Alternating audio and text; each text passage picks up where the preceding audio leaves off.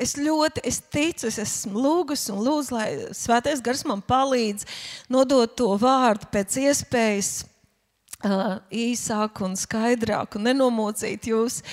Bet es tev aicinu, lai tu vienkārši nu, satver to, kas tev vajadzīgs, un svētais gars kalpo, kad mēs arī skatāmies viņa vārdu. Un es esmu izrakstījusi ārā, bet tu vari uzšķirt, uh, sakot no Nēmijas otrās nodaļas. Šis uh, gada vārds celies un celsim, tas ir no Nēmijas. Ja, Nēmijā burtiski šie vārdi atkārtojas vairākas reizes. Un vēl pirms mācītājs par to bija runājis, kad uh, es domāju par šo gadu. Dievs ļoti stipri tieši man deva tieši no sestās, nēmijas sestās nodaļas, kur ir tā kopā būšana un, un lūkšanas spēka nozīmīgums draudzē. Un es sapratu, ka šis būs tāds īsts lūkšanas gads, īsts. Um, nu, kalpošana Dievam ar lūgšanu un ticību. Un, protams, tās ir lietas arī, kas savieno. Uh, Ja kādam liekas, nu, kāpēc atkal par celsimies un celsim? Kā tu domā, ko Dievs runās 19, 1017. gada 31. decembrī? Jā, jā, 2000. Šī gada 31. decembrī, kā tev liekas, par ko tas kungs runās? Ja mēs vēl būsim dzīvi, viņš aicinās mūs.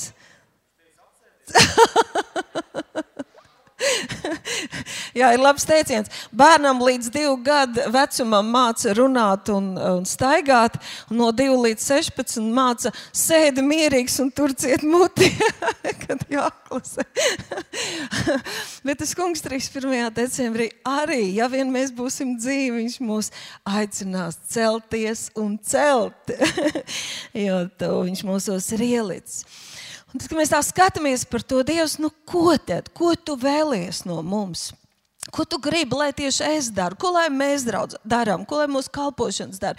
Kāda ir mūsu nozīme, jēga Latvijai, Eiropai? Kāpēc mēs esam šeit? Ko tu gribi? Kāds ir tavs prāts? Tad, lasot nēmī, tur ir vienkārši fantastiski. Tu vari pārnest to uz mūsu dienām, uz mūsu draugu, uz mūsu valsti, uz šo brīdi. Ja tur tas vairāk bija fiziski, tad viņš ir tik precīzi, tur ir tik daudz atklāsmu, tik daudz norāžu, kas tagad ir mums dzīvojot jaunā derībā, šodien, šeit un tagad. Un es sākšu ar nēmijas otro nodaļu, kur nēmija ir saprats, viņš ir no Dieva gara uzrunāts, un viņai ir aizdegusies vēlme, ka viņš grib atjaunot Jeruzalemes mūrus. Viņš grib aizvērt Jeruzalemes plājas, atjaunot vārtus, atjaunot uh, tos. Uh, nu, Vārdus kā durvis, atjaunot aizšaujumos, lai ir, lai, lai ir, lai, kā lai saka, lai apsardzība ir apkārt Jeruzalemē, lai šie mūri uh, ka, uh, nu, dara to, kāpēc viņi ir paredzēti, lai viņi funkcionē, lai viņi aizsargā, lai, lai tos vārtus var aizsvērt, jo tur viss bija izārdīts, izplosīts, izplēsts, un tur bija palikuši kā tāds nu, pa pusē drupas no šiem mūriem. Un viņš to saprata. Viņš uh, brīnumainā veidā, prasot dievam brīnums un zīmes, viņš dodas pie ķēniņa, prasīt atbalstu un prasīt atļauju šos mūrus atjaunot. Līdz tam viņš neko tautas vecajiem un, un izciltīgajiem un tautai nebija teicis par šo nodomu. Ka viņš atgriežas atpakaļ brīnumainā veidā, ka Dievs ir apstiprinājis, ka es esmu ar tevi, es tev gribu, viņš ir saņēmis no ķēniņa atbalstu un atļauju, tad viņš to saka, dala priekšā arī šiem priekšniekiem un tautai. Un te nu, es palasīšu precīzi, ko viņš atgriezies, saka, turpat otrās nodaļas pašā sākumā viņš saka, jūs redzat nelaimi, kādā mēs esam, ka Jeruzalem ir izpostīta un tās vārti ir sadedzināti ugunī. Nāciet, uzcelsim atkal Jeruzalemes mūrus, lai mēs vairs ilgāk nebūtu par apsmieklu. Mēs redzam, es, es, es saku, Jeremija, ja es saku, nē, nē, pareizi. Jā, tie Nēmijam sirds sāp, Dieva gars viņu uzrunā. Viņš jau varētu dzīvot savu mierīgu un klusu dzīvi. Bet uh, Viņā pamostas rūpe par Dievu tautu, pamostas rūpe par to, kas notiek ar Jeruzalem, kā Jeruzalem izskatās citu tautu acīs un kas notiks ja, ja, ja Dievs vēlas tautu celt, bet ienaidnieki atkal nāks, un ienaidnieki ir visapkārt. Un es šeit ceru, ka arī mēs šodien mēs varam skatīties ar palielināmo uz draugiem Latvijā, uz draugiem Baltijā, Eiropā un teikt, nu, kur ir tā Kristus spožā draudze, tā spēka pārpilnā. Jēzus atnākšana jau ir tik tuvu. Kur ir tā izcilība, kur ir tas svētums, kur ir visi tie dieva varnie darbi, kā Dievs ir apsolījis, ka pēdējā atmoda, ka pēdējā godība, ka pēdējā svētgara darba, svētgara spēka izpausme būs nesalīdzināmā lielāka, tā būs koncentrēta.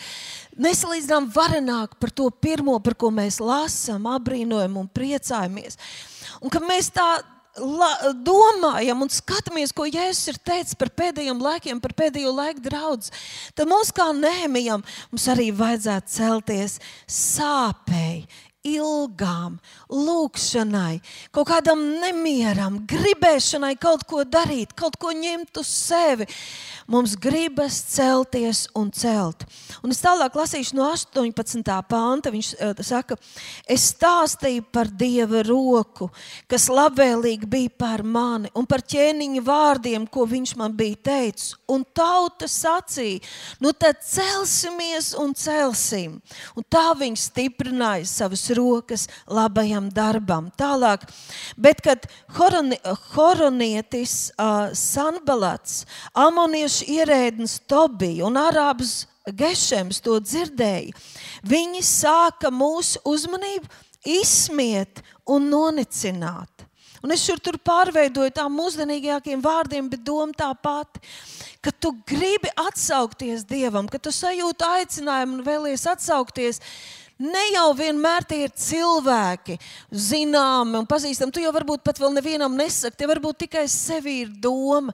Tu varbūt tikai iekšēji atsaucies, un jau, un jau tu vari sākt dzirdēt balsis un balstiņas, kas nāk pret tevi ar nicinājumu un izsmieklu. Nu, ko tu iedomājies? Tu gribi sacelties pret valdošo kārtību un varu? Ko tu no sevis iedomājies? Paskaties vēsturē, ne, nav jēgas sākt, nekas neizdosies. Nēmija atbildēja viņiem: Debesu Dievs mums dos sekmes, un mēs viņa kalpi celsimies un celsim. Un jums te nav nekādas daļas, nec tiesības, nec piemiņa Jeruzalemē. Var sakot, es neatbildēšu jums, es nekontaktēšu ar jums, es neskaidrošos jums.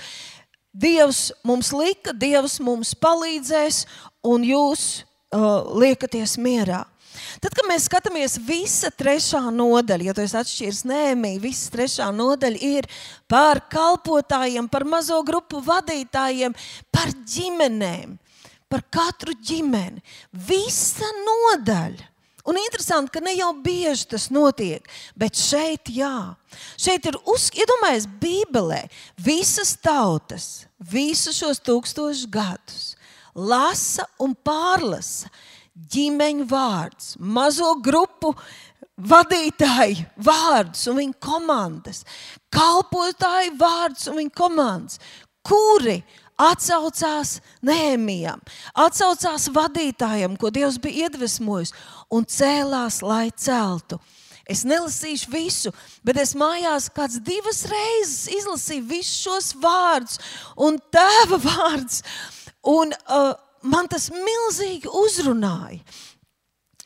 Tikai paklausies mazliet. Tad Izraēla vīri vienojās kopā, lai celtu. Tad cēlās augstais priesteris Eliašips un viņa priesteru brāļi un uzcēla avju vārdus. Viņi iesvētīja tos un iecēla tiem durvis. Viņi turpināja darbus līdz Hamējas turnim un tālāk līdz Hananuēla turnim. Aiz viņiem strādāja Jēriks vīri, aiz tiem Zakurs, Imrī dēls, es izņēmu ārā tos vēl dēlu dēlus. Senoās dēli cēla zivju vārtus, viņi nostiprināja baļķus, ielika durvis, bultas un aizšaujamos. Tur ir uzskaitīts, uzskaitīts vārdi pie vārdiem, vārdi pie vārdiem, ģimenes pēc ģimenēm, dažādi vecumi, amats, stāvokļi, cilvēki. Visi vienojušies, nodevušies vienam mērķim. Katram sadalīts, un tur ir minēts konkrēti no šīs vietiņas līdz tam. Par daudziem priesteriem ir teikts, viņi laboja pretī savām mājām, pretī savai istabai un vēl uz priekšu. Tur burtiski bija vīrs pie vīra. Viņi strādāja, viņi cēla. Viņiem bija viens mērķis - atjaunot Jeruzalemes mūrus. Tālākais viņiem tur pārlec laboja Cadoks, bānas dēls. Viņam līdzās labošanas darbs veids tekojieši, jojāda un mešulāms, izlaboja vecos vārtus, nostiprināja baļķus, ielika durvis, bultas un aizšaujamos. Aiz viņiem laboja Gibionietis, Meletja un Hadons un Mitspas vīri, kas bija padot aizeifrats pārvaldnieku sēdeklim. Astotais pāns. Aiz viņiem laboja Usēls, Harhaidāls un citi, kas bija zeltkaļi. Viņiem līdzās strādāja Hanānija, kāds no ziežu maisītājiem. Viņi atjaunoja Jeruzalem līdz pat platajam mūrim. Ar viņiem tālāk laboja Refai, Hūra dēls, Jeruzalemes uh, pus apriņķa priekšnieks. Un tad no 29. paskatāmies līdz beigām. Aiz viņiem laboja Cadoks, Imera dēls, pretim savai mājai. Aiz viņa šemaja, Šeharijas dēls, austrumu vārtu sargs. Blakus viņam otru gabalu Hanānijas Šelēmijas dēls un Hanuns, Celafa. Te bērniem var atrast daudz vārdus, ja tu nevari izvēlēties, kā saukt. Celafa sestais dēls aiz viņa laboja Mešulāms, Berehjas dēls, pretim savai istabai. Aiz viņa Malhija, viens no zeltkaļiem, līdz tempļa kalpotāju un tirgotāju namam, pretim pārveldes vārtiem un līdz stūra augšistabai. Kaut kāda konkrēta atbildība, kaut kāds konkrēts gabals no mūra, konkrēti vārdi salabot, sakārtot, atjaunot. Zini, kad es to tā lasu, tad man gribas jautāt tev un sev.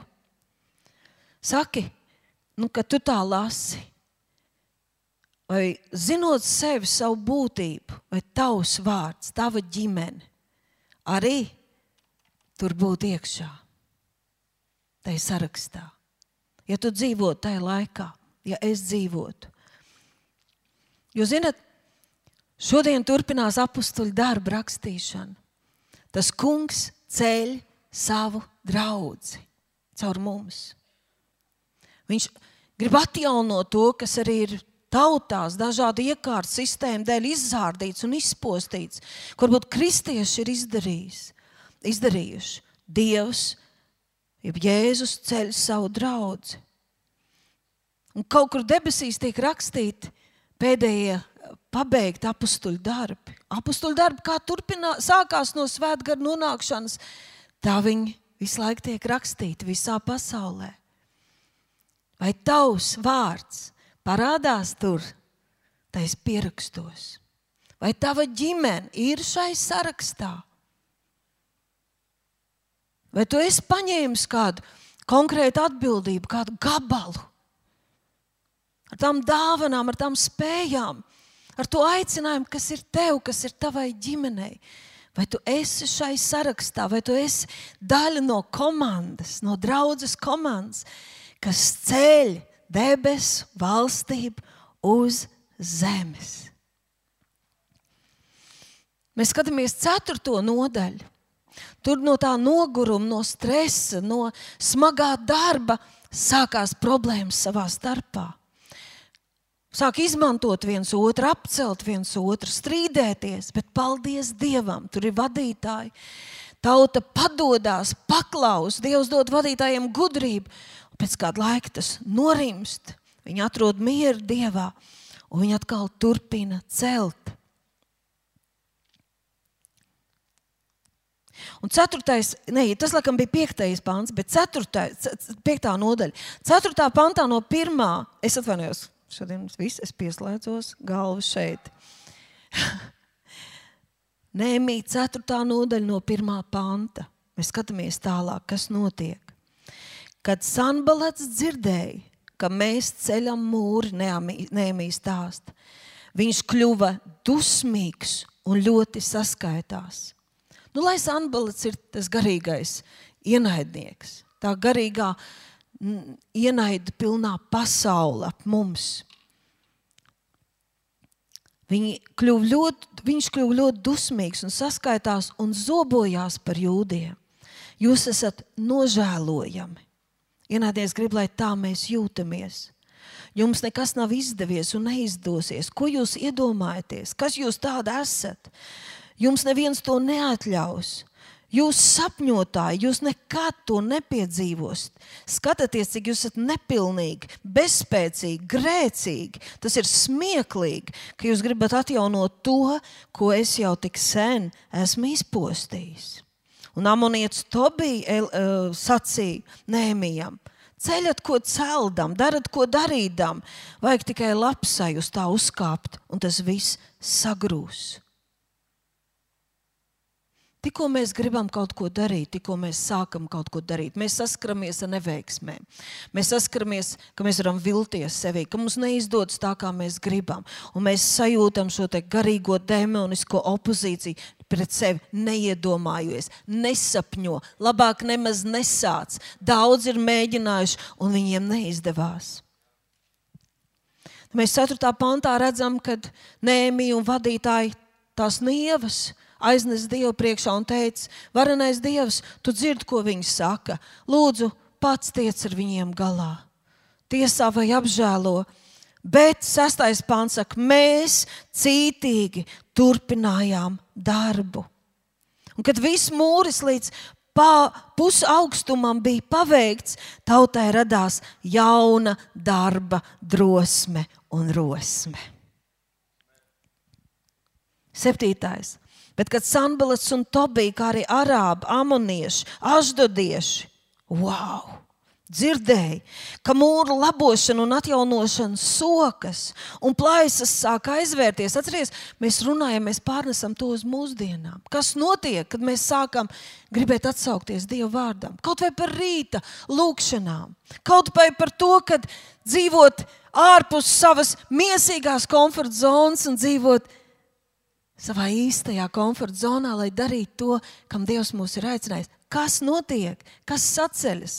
Kad es gribu sākt ieņemt savu vietu kalpošanā, kad es gribu lietot savus dāvanas, kad es gribu rūpēties par neglābtajiem, Elle sāk šņākt, izsmiet, viņa kļūst nikna. Tātad, kad viņi dzird, kad labošanas un atjaunošanas darbs sokas un plaisas sāk atvēr, aizvērties, nu jau ir rakstīts, viņi kļuva kā ļoti dusmīgi. Ja tur bija tikai dusmīgi, mēs varam just kādreiz. Nedomājiet, uzreiz, kad ir tur baigi avārijas un, un slimības līdz nāvei. Es vārdā, nē, es no tā mums ir atpirkts un mēs staigāsim pār čūskām, skarpiem, katram ienaidniekam spēkam, un mums nekas nekaitēs. Tas ir sajūta, uzbrukuma domās, savstarpējas šķelšanās, šaubas, negribēšana, slinkums, vienaldzība, aizraušanās ar citiem, citām lietām, laika trūkums, bez gala daudz lietu. Viņi kļuva ļoti dusmīgi un pasties, visi kopā. Vienā prātā, un vienotībā ir spēks. Viņi sazvērējās, ka dosies, lai uzbruktu Jeruzalemē, lai uzbruktu draudzēji un celtu tajā sajukumu.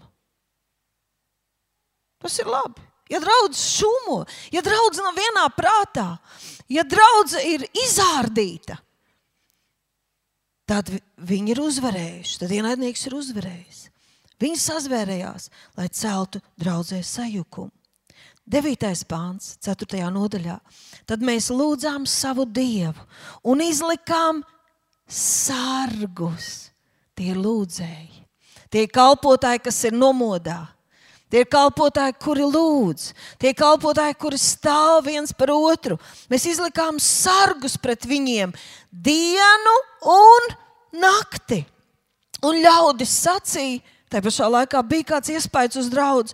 Nastu nesēja spēks zūd, drupu vēl ir daudz. Mēs nespējam vairs strādāt gar mūri. Bet pretinieks teica, viņiem nav nekas jāredz, līdz mēs būsim nonākuši viņu vidū. Un tad kausim viņus un izbeigsim celšanas darbus. Ielavīsimies klusi viņos viņu vidū. Izārdīsim viņu vienotību. Apstādināsim viņu deksmu uz Dievu. Caur to, ka viņi sāk aprunāt, kas šķēties, šaut katrs uz savu pusi, necienīt viens otru, neticēt viens par otru, bet norādīt ar pirkstiem. Ielavīsimies viņos, radīsim sajukumu un no iekšpuses iznīcināsim viņus. Un turpat mēs redzam, interesanti, nāca no pašu tautas jūdi, kas dzīvoja ienaidniekam kaimiņos. Ir tādi, kas dzīvo tuvu ienaidniekam, kas dzīvo uz robežas ar ienaidnieku. Un tur ir teikts, viņi nāca. Interesanti, ka jau vecā derībā tik praktiski tas viss ir aprakstīts. Desmitām reižu viņi stāstīja un biedināja. Viņi nāk no visām pusēm. Viņi ir tik spēcīgi. Viņiem ir tāda vara. Izbeidziet celt, nav jēgas, nesāciet. Ko jūs, vai tad jūs neredzat? Jūs iztērēsiet spēkus, iztērēsiet naudu, labāk lietojiet to kaut kam citam, dariet kaut ko citu. Tie bija paši jūti, bet kas dzīvoja tuvu ienaidniekam, kaimiņos un ēda acīm redzot no viņu galda.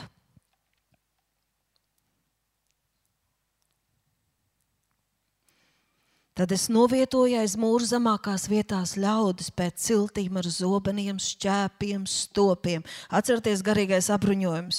Un sacīja dišciltīgajiem priekšniekiem un tautai: Nebīstaties no viņiem! Atcerieties to kungu, kas ir liels un bijājams, un cīnieties par saviem brāļiem, saviem dēliem, savām meitām, savām sievām un savām mājām. Hei, man pārsteidz tas, ka it kā jau neviens viņiem ar zobenu neuzbruk. It kā jau nav tāds īstas fiziskas cīņas tajā brīdī, lai gan tā ir tauta, kas ir pieradusi pie kara. Bet nē, kad uzrunā viņus, viņi ir apbruņoti, un viņš viņiem saka, viņi jau paliek vēl celšanā, un viņi paliek aizsardzībā. Viņš saka, tad, kad tu cel un kad tu esi nomodā un sargā, ko tu dari? Tu ne tikai cīnies par Jeruzalem kopumā, tu ne tikai cīnies par Jeruzalemes tautu kopumā, tu ne tikai cīnies par tāpēc, ka Dievs tā grib, tāpēc, ka Dievam tā tauta ir dārga, tāpēc, ka Dievam ir kaut kāda plāna nākotnē. Nē, ka tu cīnies par draugu, ka tu cīnies par debesu valstību uz zemes. Tu patiesībā cīnies par sevi, par savu vīru, par savu sievu, par saviem bērniem, par saviem tuviniekiem.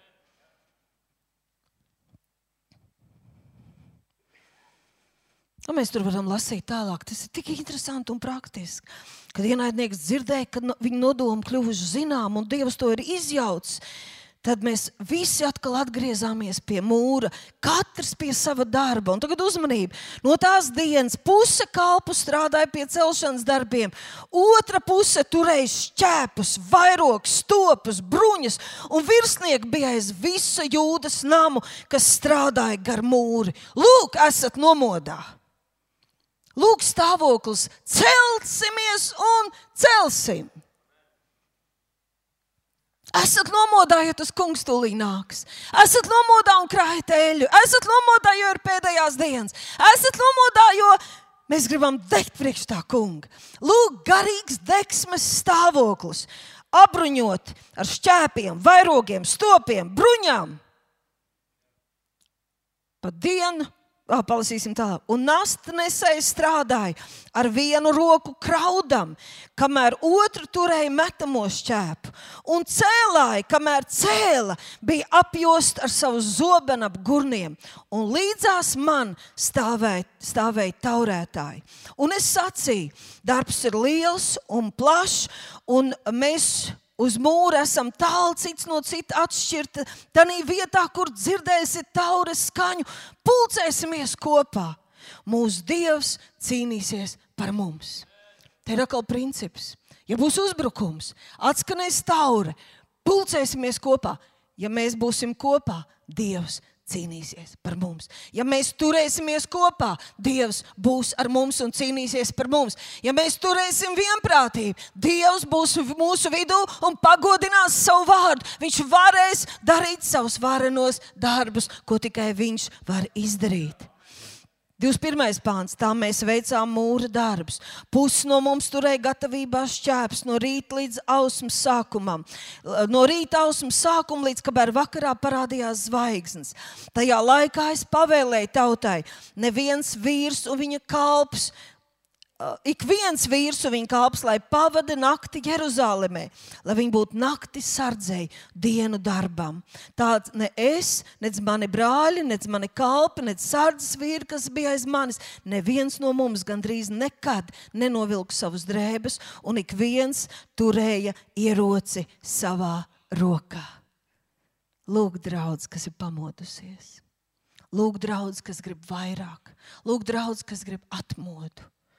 Lūk, draudz, kas nepieņem lietas, kas nāk no vēlna, tāpēc, ka Jēzus ir pārāk dārgi samaksājis par visu to labo, kas e, mēs paši baudām un citiem vēlam dot. Lūk, nomoda stāvoklis. Un tad ir tas sastais, ka no paguruma piektajā nodaļā viņiem tur pašiem ir kašķi Viņi tiek ar to galā, un sestā nodaļa mēs to arī beigsim šo lasīšanu. Kad ienaidnieki dabūja zināt, ka es esmu uzcēlis mūru un nav palikuši tajā vairs plaisas, kaut darba vēl bija daudz, viņi sūtīja ziņu.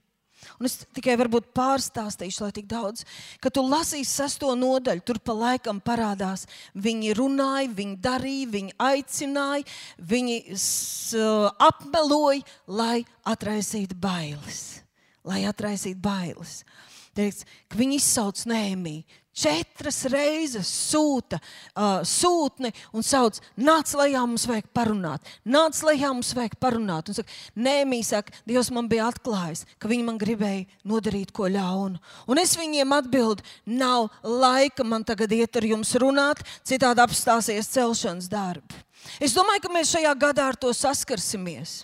Ka būs bezgalīgi daudz lietas, tikko tu atsaucies Dievam, tikko tu gribi veltīt vairāk laika attiecībām ar viņu, tikko tu gribi nodoties aktīvai lūkšanai, ienaidnieks tev sauks, nāc lejā parunāt.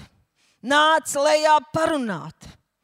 Viņš tev piemetīs darbus, piemetīs atbildības, piemetīs rūpes, lai tu būtu aizņemts, piemetīs par ko, lai tu zūdies un rūpējies, lai tu būtu stresa pilns, lai tev nebūtu laika aiziet pie viņa, atrast spēku un mieru nāca lejā parunāt.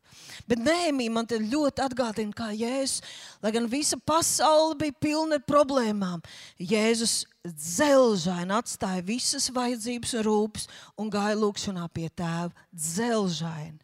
Un Nēmija šeit saka, aizver muti, man nav priekš tevis laika, es zinu, kas man ir jādara, un tas ir svarīgāk par visu un viņš nododas, tam viņam ir konkrēti mērķi, konkrēti uzdevumi, un viņš tam ir nodevies. Un tad piekto reizi ir teikts, ka piekto reizi nāk atkal ar šo pašu ziņu.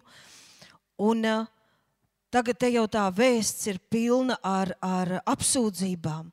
Sanbalats sūta pie man, manas kalpa ar atklātu vēstuli. Tātad tas tā tiek palaists tautiņās.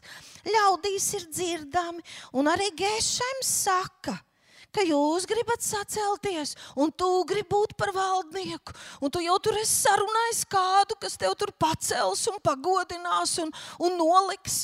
Jā, jūs gribat sacelties, un tad tur atkal uzrādās kāds, kas sauc, nāc! Paslēpjamies templī, aizslēdzam ciet durvis, tāpēc, ka viņi, es esmu dzirdējis, man pateica, ka pravietis pie tam to saka, ka tur grib kādi ienaidnieki nākt un tevi nogalināt. Nāc, Jeremija, Nēmī, es esmu tavs draugs, slēpsimies! Un mēs redzam, ka Nēmijam ļoti stipras attiecības ar Dievu. Viņš pirmo reizi saka ienaidniekam, atkal nekas nav noticis no tā, ko tu saki. Tu pats savā prātā to izgudrojies, lai tikai bailes atraisītu manī un tautā. Un otrais viņš atkal saka, es sapratu, ka ienaidnieki šo pravieti ir uzpirkuši. Ka viņi grib, lai es tā izrīkojos, lai es slēpjos kā tāds bailos, lai es padodos. Un tad izsmieklis aiziet par mani, par visu valsti. Un man patīk, kā, sastajā, kā beidz sastā nodaļa, tur pie beigām 15. pantā ir teikts. Un mūris tika pabeigts Elūla mēneša 25. dienā. Un celšanas laiks bija 52 dienas. Mēs izskrējām tā cauri, bet tu mājās vari dzīvot šai nēmijas grāmatā, jo viņa ir bezgala praktiska un interesanta. Bet tā kopumā skatoties šo, šo, šo te konkrēto šos notikumus, šos mūra atjaunošanas darbus, ko no šī notikuma šodien mēs varam mācīties? Tāda rezumē. Es tur ieraugu tādu neticamu nodošanos, tautas nodošanos, uzupurēšanos, paklausību, vienotību, vienprātību, mērķa labā. Es tur saredzu cenu, kas tiek maksāta tādēļ, un ko katra ģimene un katrs personiski maksā, lai izdarītu to darbu. Tik daudz kas tiek atstāts, tik daudz kas nolikts no tā, ko es šobrīd gribētu, un tā tālāk, lai izdarītu to, ko vēlas Dievs, un kas patiesībā man pašam ir vajadzīgs. Kā jau teicu, šodien Dievs ceļ savu draugu, un Viņš to dara caur mani un tevi. Un mēs katrs esam atbildīgi tiešām un personīgi ieinteresēti, lai tas izdotos. Skatoties uz šo paraugu, es redzu, ka viņi šo mūri atjauno pirmkārt savas ģimenes, sava nama, savas nākotnes savu sapņu dēļ. No otras puses, viņi to dara visas tautas un dieva aicinājumu dēļ.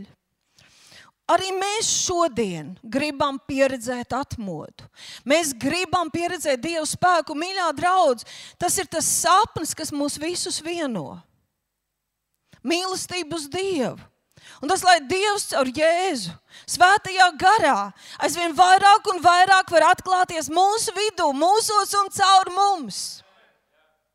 Lai tā kā stāv rakstīts, lai notiek, lai piepildās, lai draudz tiek uzcelta nekādas personības, nekādas zvaigznes, bet viņš ir galva un mēs esam viņa miesa. Un tur, kur mēs ejam un lūdzam un kalpojam, ka notiek, ka Dieva spēks redzamā, taustāmā veidā mūs pavada. Un Dievs mūs lieto. Tautas un cilvēki nāk pie Dieva un glābjās. Mēs gribam, lai cilvēki glābjas no nāves. Mēs gribam, mēs gribam. Mēs nevaram iedomāties būt debesīs saprotot, ka tik daudz ir palikuši neglābti un aiziet uz elli. Mēs to nespējam iedomāties. Un mēs visi no vienas puses skaidri zinām, ka Dievs ir daudz varenāks, prātam neaptveram varens. Viņa spēks ir lielāks par visu nezinu, enerģijas sakopojumu, kas uz zemes ir atklāts līdz šim brīdim. Tas viss ir augstāk par mūsu saprāšanu. Un mēs zinām, ka Dievs tajā pašā laikā ir te pie mums, un Viņš vēlas pakodināt savu vārdu. Viņš vēlas, lai vēlams būtu zem draudzes, tātad manām un tavām kājām. Lai mēs degam, lai mēs mīlam, mēs to gribam. Un tas viss mūs vieno. Nekad neļauj ienaidniekam mūs šķirtais domās. Kādreiz, kas klejo apkārt, nu viņi jau tikai tur kaut ko grib uzcelt, vai viņi, viņi kaut ko tur grib izdarīt, vai viņi, viņiem tikai vajag mans dāvans, vai tā. Nē, tev vajag. Tev vajag stipru draugu. Tev, tavai ģimenei, tavam nāmam, tavai, taviem tuviniekiem, tavai tautai, un man vajag. Mēs esam personīgi ieinteresēti. Mums ir jāuzticas, ka mācītājs, kalpotāji, brāļi un māsas man apkārt arī tic. Tas ir arī viņu sapnis. Tās ir arī viņu ilgas. Kāds varbūt vairāk kaut ko ir sapratis un jau aizdedzies. Kāds varbūt tikai mostās, kāds varbūt blakus vēl garīgi guļ. Bet tāpēc jau mēs esam kopā, lai neienlaistu ienaidnieku mūsu vidū. Bet lai mēs celtos un celtu, un lai Dieva godība varētu atspīdēt. Tad esmu personīgi ieinteresēts, lai ienaidnieks tiktu uzvarēts, lai mums būtu vara, lai mēs būtu stipri, lai mēs varētu atjaunot mūrus, lai mēs celtu draugus, ne tikai prieku vēst, bet Kristus miesa pasaulē, lai ceļas. Jo mēs arī gribam nākt, Kungs, Jēzu, lai Viņš nāk. Bet līdz tam ir traudzēji jāceļas kā varenam milzim. Tas ir it kā sautīgi. Un otrā daļa mūsos pie pestīšanas mēs dabūjam Dieva sirdi, viņa plašo mīlestības sirdi uz cilvēkiem. Mēs gribam kalpot, gribam nodoties, gribam upurēties, lai Dievs mūs varētu lietot. Un kad mēs esam kopā, plec pie pleca, notiek plaisu atjaunošana, mūru celšana, un Dieva spēks var manifestēties. Kad es skatos uz to, mēs arī es saprotu, mēs saprotam, ka šos mūrus es nevaru atjaunot vienu pati. Es nevaru vienu. Tāpēc man vajag draugus. Es nevaru to izdarīt arī kopā tikai ar saviem labākajiem draugiem. Secinājums man ir pašas labā, man ir nepieciešama draugs, man ir nepieciešama brāļu un māsu uzticama karotāji, kas arī kopā ar mani ir gatavi celties un celt. Man ir svarīgi, lai es nebūtu viens. Man ir svarīgi, lai arī citi man apkārt saprastu un uzņemtos savu daļu. Man ir svarīgi, lai grūtā, paguruma, uzbrukuma brīdī arī viņi neatstātu, nepamestu, nenodotu, neaizmuktu zaļākās ganībās, bet paliktu plecu pie pleca. Man ir ļoti svarīgi, lai man būtu dievi iecelts vadītājs, kurš saņem ko, kādu, kur, ar ko un sadala šīs atbildības. Un zinot ienaidnieku stratēģiju, ka viņš nāk un cenšas izraisīt sajukumu un aizdomas, celt neslavu, stāstīt melus. Man ir svarīgi, lai es uz to neuzķertos. Un lai man brāļi un māsas arī netiktu pievilti, apmānīti un iznīcināti. Jo ja man blakus necels, ja man otrā pusē necels, tad arī mans rokas pagurs un manam darbam nebūs lielas jēgas. Velns ir melis, zaglis un slepkava. Un es zinu, ka šīs lietas iznīcina ticību, atņem lūgšanas spēku. Tāpēc ļauties tām lietām, kas nes sajukumu, neskaidrību, aizdomas, nepatiesību, tas ir līdzīgi kā iedot ienaidniekam ieroci, lai viņš iznīcina mani pašu. Tas nozīmē ienīst sevi un iet pašam pret sevi, pret savu miesu. Par Krieviju mēs kaut ko dzirdam šobrīd, ka viņai ir tik uz rokas, ka Eiropas Savienības šķeļas, ka viņā nav vienprātības. Jo mazinot vienotības spēku, stiprinās ienaidnieka pozīciju. Un ir brīži, kad ir jāizvēlas. Vai mēs gribam lepni pastāvēt par savu taisnību, ignorējot pārējos, vai mēs gribam ne tikai izdzīvot, kaut kur pamukt, bet uzvarēt. Aleluja! Mēs gribam, lai Kristus vairāk un vairāk atspīd draudzē. Es ticu, ka šodien pielūgšanas, slavēšanas laikā jau ir daudz kas noticis. Un maliči tie cilvēki, kas zvan un raksta. Es tiku dziedināts, man Dievs pieskārās, man aizgāja bailes, man pazuda slimība. Dievs dara savus darbus ne tikai pie mums, bet arī caur mums. Viņš vēlas lietot, bet viņš grib vēl, vēl. Es gribu teikt, tām slāpēm, kāds bija manam vīram, ka viņš bija pavisam jauns. Viņš saka, viņš čiekurkalnā mēs vien brīdi dzīvojām, nesen apprecējušies. Viņš bija pārnācis no armijas. Viņš saka, es staigāju, mums bija tāds pušķirns vilks. Es staigāju tur un es teicu Dievam, Dievs, vai tas ir viss? Un tas bija tāds patiesi izmisīgs sauciens. Dievs, vai tā ir visa kristietība? Vai tas ir viss tavs spēks, vai tā ir viss tavs slava, vai tas ir viss? Tajā nebija bunta. Kādreiz cilvēki ar buntu, ar sacelšanos, nu kas tad, nu kur tad? Kristieši nolādz savu pašu miesu, savu draugu. Bet Dievs vēlas, lai ceļš patiesa sāpe. Jo tu jau zini, kā Dievs toreiz atbildēja manam vīram, ka viņam likās, ka vienkārši debesis ielīja viņa sirdī. Nē, tas nav viss man dēlī. Pēc tās sarunas toreiz mans vīrs izmainījās. Mans vīrs bija pieliets ar Dievu spēku, ar Dievu klātbūtni. Tas jau bija jau kādu laiciņu, tas bija sākums tai atmodai, kas ir pagājusi, kas bija. Par to tagad varētu rakstīt grāmatas, vai ne, Lilija? par to lūkšanas garu, par cilvēku bariem, kas nāca pie Dieva, un par brīvību, kas atnāca arī Latvijai. Kā vienmēr, kas nāk līdzi. Jēzus savā pēdējā lūkšanā lūdz tēvam par mums, Jāņa 17. nodaļa. Viņš lūdza, iedomājieties, Jēzus lūdz tēvam. Kā tu domā, vai tēvs klausījās lūgšanu? Vai tēvs klausa Jēzus lūgšanu? Un viņš, ko viņš lūdz? Par draugu. Lai viņi visi ir viens.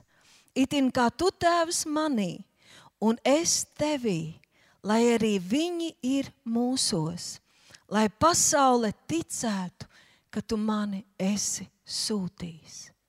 Mīļie, tie ir kaut kāds milzīgs noslēpums.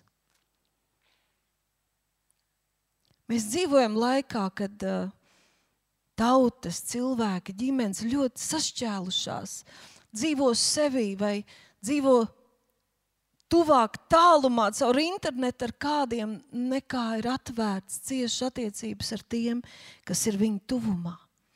Kad Jēzus lūdzu, viņš saka, pasaule ticēs, ka tu mani sūtīsi skatoties uz to, cik draudz ir vienprātīga, tad te nav runa par svētdienas dievkalpojumiem. Te ir runa par kaut kādiem apstākļiem, kad pat pasaule redz, ka draudz tiek tricināta, kad draudz tiek sista, aprunāta, ka pat pasaule redz, ka tie ir reāli jaucēji, kas lien iekšā, lai ārdītu žurnālisti, kaut kādas varas, masas, es nezinu. Un viņiem tas neizdodas. Jo es nesaukšu augšā, bet mēs tāpēc, ka stāv maziņš, vecāks, spēcīgs vīrs, vēl viens spēcīgs vīrs, sieviete, maz pusaudzīts, pavisam maz bērniņš, viņš stāv. Un kad ienaidnieks metas virsū, lai izjauktu viņu kopā būšanu. Un kad lielais vīrs ieraudzīja, ka apdraudēts ir tas mazais bērns vai sieviete, tie veči sadodas kopā ar savām rokām. Un atcerieties, vienā rokā ar vienu roku viņš strādā, un otrā ir ar ieroci pret ienaidnieku. Mēs ceļām, mēs nododamies, mēs sargājam viens otru, mēs sargājam vienotību. Mēs esam gatavi daudz ko nolikt un atstāt, lai neielaistu ienaidnieku, kas iznīcina draugu. Lai paliktu vienotībā, katram ir jāspēj noliekties, piekāpties, apsekt otra vājības, nepastāvēt uz savām tiesībām, turēt otru augstāk par sevi. Bet mūsu vecajai dabai nepatīk padoties, pakļauties, pazemoties, paklausīt. Mums nepatīk, ka kāds mums kaut ko liek, pieprasa, labo, liek kaut ko mainīt sevī, apšauba mūsu nodomus, rīcību. Mums tas ļoti nepatīk. Kaut kas mūsos tuliņš saceļas un meklē tajā uzbrucējā vainu, a tu pats. Mēs esam gatavi pacelt astu un aiziet. Ja es tev nepatīku, arī tu man neesi vajadzīgs. Tas ir ego, tas ir lepnums, mūsu lielākais ienaidnieks, par ko Jēzus nomira pie krusta, lai mums būtu vārā pirmkārt par sevi, par savu egoismu. Ja miesai dod varu, tad mēs rīkosimies miesīgi. Un mūsu rīcības sekas vienmēr pirmkārt vēršas pret mums pašiem, nodara ļaunu mums pašiem. Jo nav jau tādu mūsu neitrālās pozīcijas. Kad mēs neklausām dievam, apzināmies to vai nē, mēs paklausām vēlnam. Kad mēs pasakām dievam nē, mēs esam automātiski pateikuši vēlnam jā. Tas bija tas pats sacelšanās gars, kas bija ēdienas dārzā. Ka Vēlns teica, es būšu kā visaugstākais. Un ievai viņš teica, Jūs paši būsiet kā Dievs, saceļaties pret Dievu. Nav ko padoties, nav ko pazemoties, nav ko paklausīt. Jūs paši varat būt kā Dievi, jūs paši varat būt savas dzīves centrā. Jums nav neviena priekšā jānes atbildība. Tev taču nepatīk to darīt pareizi. Kā tas beidzās? Cilvēks paklausīja vēlnam un kļuva par vergu uz mūžiem, savu kārību, iedomu, egoismu, vergu. Jā, mūsos ir vēlme būt neatkarīgiem. Mums liekas, ka tā ir vieglāk dzīvot. Es daudz dzirdu no cilvēkiem, kam sapnis ir būt uzņēmējam, un, un tas iemesls, lai es pats būtu savu laiku noteicējis, lai es pats varu kontrolēt līdzekļus, lai es pats varu risināt savus, savus uh, nu, uh, darbus un tā tālāk. Ja tas ir Dieva aicinājums, ļoti pareizi un nepieciešams. Bet, ja tas ir motīvs, kāpēc tu kaut ko sāc, lai tev nebūtu jāpadodas, ja, lai tev nebūtu jāpaklaus, lai tev nebūtu jāstrādā komandā, nekas labs tur nesanāks. Tāpēc, kad, lai tu realizētu kā vadītājs savus sapņus, pēc kāda laika tu saproti, ka tu nevari viens, tev vajag komandu. Un tie atkal ir cilvēki, kas padodas tev, pieņem tavu sapni, un jūs kopā realizējat tos. Un tad šā vai tā arī tu kā vadītājs nokļūsi sistēmā, ka kāds ir virs tevis, kāda kārtība, instances, kuras tev kontrolē, kurām tev jāatskaitās, kuras no tevis pieprasa, un arī tiem, kas ir zem tevis, tu esi atbildīgs par viņiem. Ka nav iespējams tāds taurenīšs dzīve.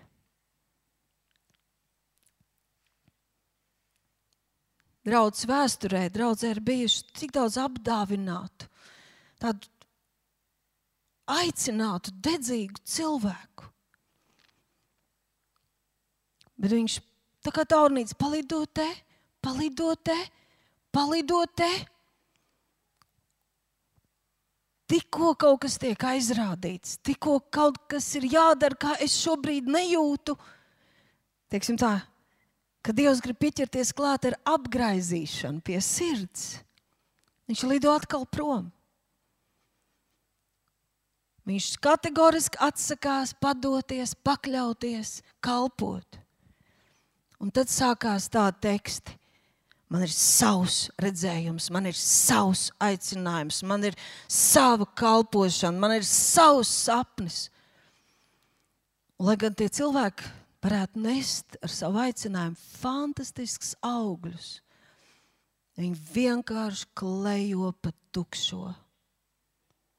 Vēlnam ir izdevies viņa mērķis, un kāds ir viņa mērķis? Lai mēs nošaujam garām, vienkārši nesam Dieva īstajā vietā aicinājumu nepiepildām, neizdarām, neiemācāmies, tāpēc ka mēs neap, neatļaujamies apgaizīšanas procesam, kas ir sāpīgs, kas dara svētu, kas dara stipru, kas atraisa dāvanas. Tas ir būt pa īstam Dieva rokās. Jā, mūsu vecajai dabai nepatīk padoties, upurēties. Viņai nepatīk arī izvēlēties. Mēs gribam noteikti, lai mums ir izvēle un lai tā ir plaša. Bet mēs kā tādi zīdaiņi, mēs gribam, lai mums ir izvēle starp zilām vai zaļām zeķu biksēm. Bet mūs tracina, ja mums ir jāizvēlas, ja mums ir jāapsver savu kāju soļu. Ja mums ir jāmaina savu domāšanu, jāmaina savu valodu, jāmaina savu attieksmi. Ja mūsu kājas soļi, ja mūsu rīcība ir jāpielāgo, gala mērķim, tām vērtībām, prioritātēm, kas ir izvirzīts. Ja mums ir pie sevis jāstrādā, nevis citus jāmaina, tas mūsu veco miesu ritīgi tracina. Mūs kaitina un sadusmo, ka uz mums ir uzlikta tāda nasta, apzināti izvēlēties. Mēs gribam vienkārši dzīvot un baudīt šo mirkli. Mēs esam Dieva bērni. Mēs gribam darīt to, kas mums šobrīd gribas. Mēs gribam uzvesties tā, kā es šobrīd jūtos, runāt to, kas man šobrīd ir uz mēles. Es taču esmu patiesa. Es gribu dzīvot viegli. Es gribu baudīt, vienkārši baudīt dzīvi. Dzīve jau tā ir tik grūta. Nu, kāpēc man vēl sevi jāierobežo? Kāpēc man visu laiku sevi jākontrolē, jāmainās? Liekat, lūdzu, man mieru, neapsūdzat mani.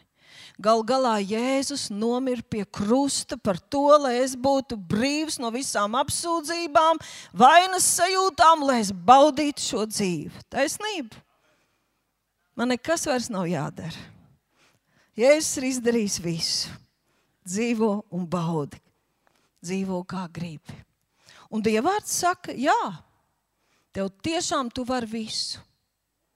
Jā, tu tiešām vari visu. Viss tev ir atļauts. Saka, aleluja! Viss man ir atļauts. Neviens man nevar neko ierobežot. Es varu darīt, ko vien gribu, un iepūtiet man, kā teica izrādē, skaistā sieviete. Viss ir atļauts. Ja vien tur tālāk nebūtu, bet ne viss tev der. Un tieši tāpēc mums ir dot, dots izvēles iespēja katrā dzīves sfērā, katrā situācijā. Ar to mēs atšķiramies no dzīvniekiem, ar to mēs atšķiramies no mērkaķiem. Ka mēs varam mainīt savu domāšanu, mēs varam pieņemt lēmumus, mēs varam izdarīt izvēles. Ir labs teiciens, Neviens visā pasaulē nav tik daudz pateicības parādā kā pērtiķi Darvinam. Bet mēs neesam evolucionējoši mērkaķi. Dievs radīja cilvēku sev līdzīgu, deva cilvēkam varu. Jau ar to sāk domā, ko tu domā. Domā, ko tu gribi, domā, kāds tam būs gala rezultāts, domā, ko tu izvēlies. Jā, mums ir dota vara, un es varu izvēlēties, ko domāšu, kā skatīšos uz lietām, kā reaģēšu uz situācijām, kādas attiecības veidošu, kam laika veltīšu, kam kalpošu, ko es darīšu ar savu dzīvi un visu to, ko Dievs man ir uzticējis.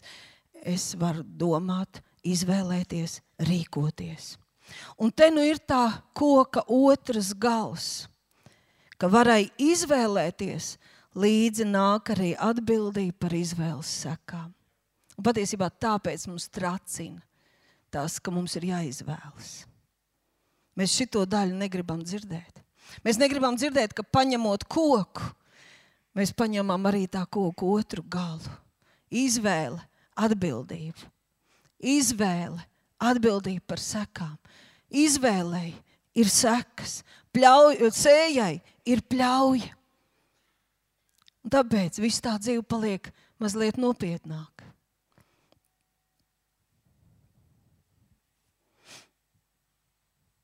Mums ir brīvi, brīvība rīcības izvēlē, bet mēs nevaram izvēlēties savas rīcības sekas. Izvēloties kādu rīcību, mēs izvēlamies arī tās sekas. Un es nevaru nevienu vainot ne, savā nepareizajā izvēlē. Tas būtu līdzīgi kā tu izlēmi lekt no septītā stāva, netīšām izkrist no septītā stāva. Un pēc tam dusmoties uz Dievu par to, ka Viņš ir ielicis gravitācijas likumu pasaules pamatos. Atkal Dievs vainīgs. Es gribēju lidot. Katru dienu jau tu negribi lidot. Tev ļoti izdevīgi ir, ka Dieva likuma darbojas līdz noteiktam laikam. Taisnība.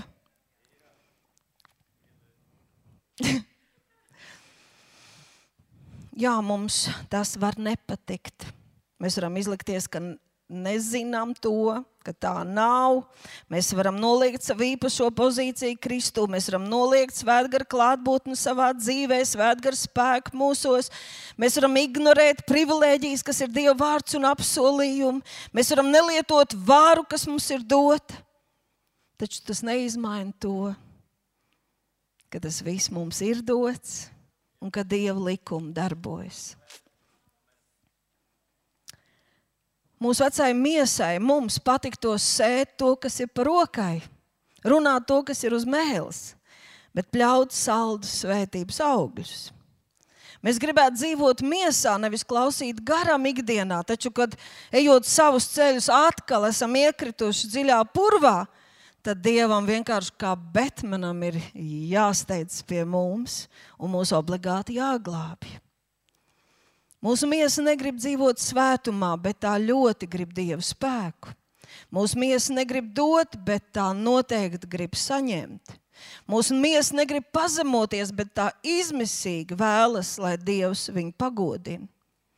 Mūsu miesa negrib klausīt Dieva balsī, bet mēs esam bezgalīgi pieprasoši, lai Dievs klausītu mūsu balsi, kad mēs lūdzam. Kāds ir secinājums? Man, mums, galīgi nav izdevīgi dzīvot miesā. Miesa noteikti nav un nevar būt man labākā draudzene. Vecā daba, kas runāja par miesu, tā ir vecā daba. Jo šādi te nodzīvot dzīvi, ar vienu kāju šur, ar vienu tur, īsti nekur, ir bezgalīgi grūti un bīstami. Dzīvot miesā, tas ir atrasties no Dieva dotā tādā nedabiskā, mums predabiskā stāvoklī. Dzīvot miesā tas ir nu, citu nonicināšanās, sevis nonicināšana, aprunāšana, tiesāšana, miesā. Tas ir, tas ir pretīgi. Tas ir predabisks stāvoklis. Dievs mums to nav paredzējis. Tas ir tas, par ko mācītājs pagājušajā reizē runāja. Tā ir dzīve ārpus mūsu komforta zonas. Mūsu komforta zona ir dzīve garā, dzīve Kristu, Jēzu, dzīve mīlestībā. Dzīve miesā tas ir visu laiku pret zenulu spārdīt. Cīnīties ar savu sirdsapziņu, vainas sajūtu, nedrošību, nepārliecinātību, apsūdzībām Mēs tam neesam paredzēti.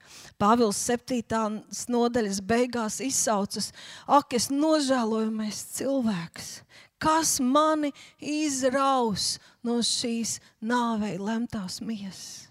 Ka viņš domāja par to, viņš saka, tas ir tik grūti, tik nožēlojami tā dzīvot. Un paldies Dievam, turpat romiešiem 8. nodaļas, 1. pantā. Viņš saka tālāk, bet tad no tiem, kas ir Kristu Jēzu, vairs nav nekādas pazudināšanas. Jo dzīvības gara likums Kristu Jēzu tevi atsvabina. Ja tu dzīvo Kristu Jēzu, ja tu esi nomiris līdz ar Kristu un izgājis cauri krustam, ja tu vēlies dzīvot Kristu Jēzu, ja tu vēlies piederēt tikai Viņam, Viņam, viņam, uzticēt visu savu dzīvi, nodoties pilnīgi viņam, uzticēt sevi, savu ģimeni, savu nākotni, savu raksturu, katru savas dzīves sīkumiņu, uzticēt viņam, kopā ar viņu mirt, kopā ar viņu augšām celties, kopā ar viņu dzīvot, viņam nodoties, viņam kalpot. Tur vairs nav nekādas pazudināšanas. Tur nav dzenuļu, kas tev spārda. Tur nav pretrunu, kas tev plost. Tur nav baiļu. Tas ir tik salds, tik spēcīgs ceļš kopā ar glābēju. Vienīgi jautājums, vai mēs tiešām no sirds vēlamies būt Kristu Jēzu 24 stundas diennaktī, uzticēt Viņam visu un uzticēties Viņam pilnībā. Otrs ceļš ir palikt pašam savas dzīves tronī, dzīves centrā.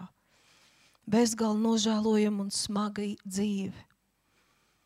Tas ir kā planēta jūrā bez nosprausta gala mērķa. Vētra tev planda, Tu nekad nezini, kur būsi, kas notiks. Atcerieties, kad Jēzus lika mācekļiem doties pāri uz konkrētu mērķi. Un sākās vētra, un ka viņi pazaudēja to, ko Jēzus bija teicis, ka jūsu mērķis ir nokļūt tur. Viņi gandrīz aizgāja bojā. Paldies Dievam, ka Jēzus viņus izglāba. Ir tik labi, ka dzīvē ir gala mērķis. Ir tik labi, ka ir konkrēts virziens, ir tik labi, ka no tā atvasināts ir vērtības un prioritātes, un man dzīve ir sakārtota, centrēta, virzīta, nodota. Noteikti ir ļoti grūti pieņemt pareizes lēmumus, sargāt, padoties, būt par cēlēju. Tad, ja es nepieņemu šo procesu, ja man nav skaidrs tas gala mērķis un ceļš, pa kuru es gribu doties, tāpēc es mīļā draudzē aicinu sevi un aicinu tevi. Ja tas vārds atskan un atskan, un trešdienās kalpotāji tik ļoti to uzsver, ka viņi ir gan izbijušies, gan pārlaimīgi, ka Dievs nelaiž mūs vaļā. Viņš atkal par to runā, atkal par to runā. Un mazās grupas par to lūdz. Lai mēs tiešām to varētu darīt, un arī es tevi no Dieva sirds šodien aicinu. Celies, celies, sadodies kopā ar pārējiem, nododies Dievam un celsim. Alksim, slāpsim, ticēsim, sauksim uz Dievu. Neļausim ienaidniekam mūs iznīcināt.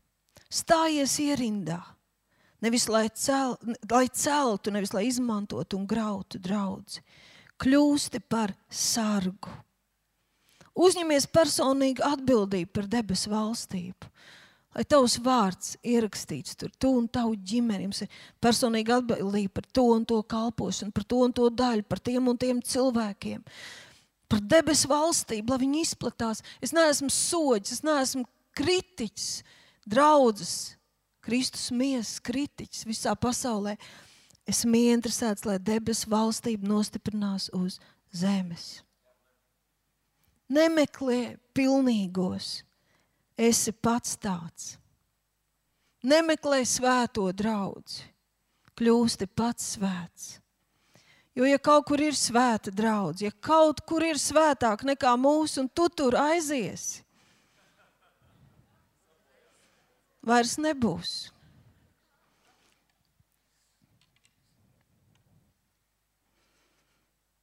Dieva gars man uzrunāja tik stipri, lai es aicinu, pārkal savu zobenu lemesī. Pārkal savu zobenu lemesī. Tā ziņā tas ir kā, lai nestu augļus, lai apstrādātu zemi un lai varētu barot izsalkušos, dot tiem, kam ir vajadzības, kalpot cilvēkiem. Jā, mums tas nav gara zobens, paliek mūsu rokā, bet tas zobens, kas sargā sev no visiem, no aizdomīgums un neusticēšanās un, un, un nespēja iekļauties un sargāt vienam otru, mīlēt vienam otru. Ziniet, kādreiz es apsēžos draudzē, un man, man tik šausmīgi gribas izvilkt no somām desmaizi, termosu. Tā vienkārši sēdēt un draudzētos, saspiedušies cieši kopā, padziedāt garā. Jēzu, cik tu brīnišķīgs! Skatītos viens otru acīs. Paldies Dievam par mazām grupām! par kādām šādām iespējām. Tāpēc Dievs arī sadala pa ģimenēm, pa komandām. Pārkal savu zobenu lemesī, kļūst par daļu no visas sirds, tu nodoties Jēzum, rūpēties par debesu valstības celšanu. Kā man to darīt? Es šodien sargā vienotību ar visu sirdi, lūdzu, tic. Un tu jau Dievs rādīs, kas tev ir sirdī, kā atrast tam laiku, kā būt par svētību ikdienā, kur tu esi. Dzīve sastāv no maziem praktiskiem solīšiem. Mēs vienmēr esam īstajā vietā, īstajā laikā. Ja mums ir boss, Taisnība. Halleluja! Piecelsimies kājās!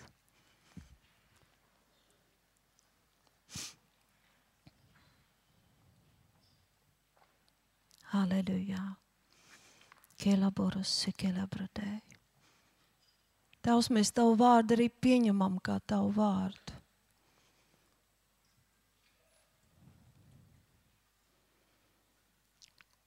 Es arī pateicos, ka tu ieraksti mūsu sirdīs, ja arī šobrīd varbūt nav tāda situācija, kad tieši kaut kur man apkārt ienaidnieks gribētu kaut ko šķelt un ārdīt. Tad, tad, ja kaut kas tāds notiks un kādas ziņas vai vēstis vai idejas vai kas man grib paņemt prom no tevis, no draudzes, no svētuma, no tīrības, es tam neļaušu. Es neļaušu. Es teikšu, ienaidniekam, muti ciet un domāšu par Dievu vārdu. Domāšu par Dievu mīlestību, es svētumu. Es nekad neļaušu, lai manā rokā būtu zobens pret cilvēkiem.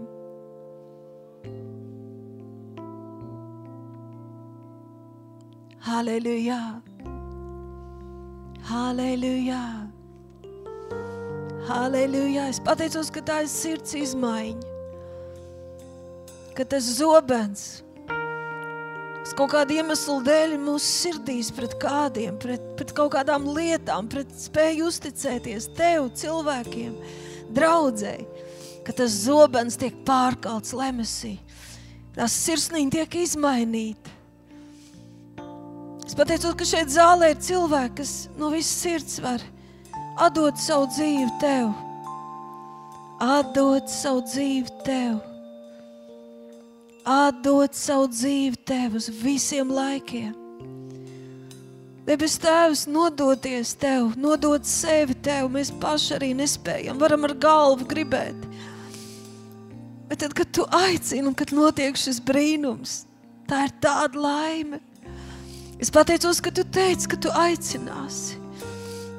Tāpēc es pateicos par šo svaidījumu šai zālē, ka te ir cilvēki, kas tiek aicināti nodot savu dzīvi tev, uzticēties pilnībā, uzticēties, izlaist kontrols grožus no savām rokām, uzticēties tev, nodot sevi tev, atstāt visu rūpes, raizes, visu uztraukumus visas lietas, kas traucē, šķēļ ārda pašu.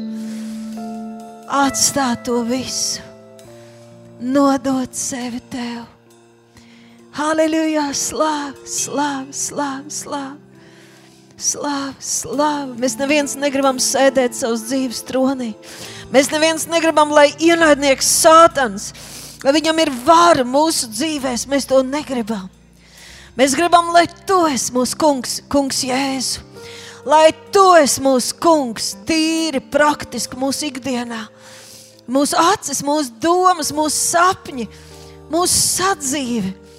Lai tā pakārto tevi, virzīt, koncentrēt uz tevi. Tu esi mūsu dzīves kungs. Halleluja! Halleluja! Halleluja! Debes Tēvs, un es pateicos, ka Tu atklāji mazo grupu vadītājiem, kalpotājiem, katram Dieva bērnam, katrai ģimenes galvai, tēvam un arī mātei. Tu atklāji, kas ir nepieciešams, lai mūri tiktu vēl vairāk atjaunoti, stiprināti, lai Tavu godību var atklāties Tēvs, lai daudz vieglāk un brīvāk Tavs gars var kalpot. Halleluja, lai mēs esam vienā prātā sadavušies garīgi, cieši, cieši kopā. Neielaižot ne plaisiņu, ne šķirbiņu, nedodot ne kripatiņas vietu ienaidniekam mūsu starpā. Jēzus vārdā atklāj un vādi, palīdz mums ieraudzīt praktiskas lietas, kur kaut ko nonicinām, kur atsakām tev, kur pasakām tev nē un izstumjam ārā svēto garu. Palīdz mums ieraudzīt. Mēs gribam atjaunot atjaunot, atjaunot un celt tavu valstību uz zemes. Tavu valstību uz zemes ir tavs spēks pie cilvēkiem un caur cilvēkiem. Tavs spēks tavā vārdā, tavs spēks tavu vārdu autoritātē, Tavs spēks mūsu mutes vārdos, kad lietojām Tavu vārdu. Tavs spēks uzliekot rokas slimajiem. Tavs spēks sludinot evaņģēlijas saistītajiem. Tavs spēks atverot acis aklajiem, mirušos atmodinot dzīvībai. Halleluja! Tavs mēs kā draugs no visas sirds esam gatavi no savas puses upurēties, nodoties, kaut ko nolikt sev svarīgu, lai būtu vienā prātā, lai būtu kopā, lai atbalstītu viens otru, lai kopā celtu. Es pateicos par šo sapnu un vīziju mūsu sirdīs, par šo nesatricināmo ticību. Es pateicos, ka tā atraisās arī vārdos un darbos vēl vairāk Jēzus vārdā. Jēzus vārdā. Halleluja! Halleluja!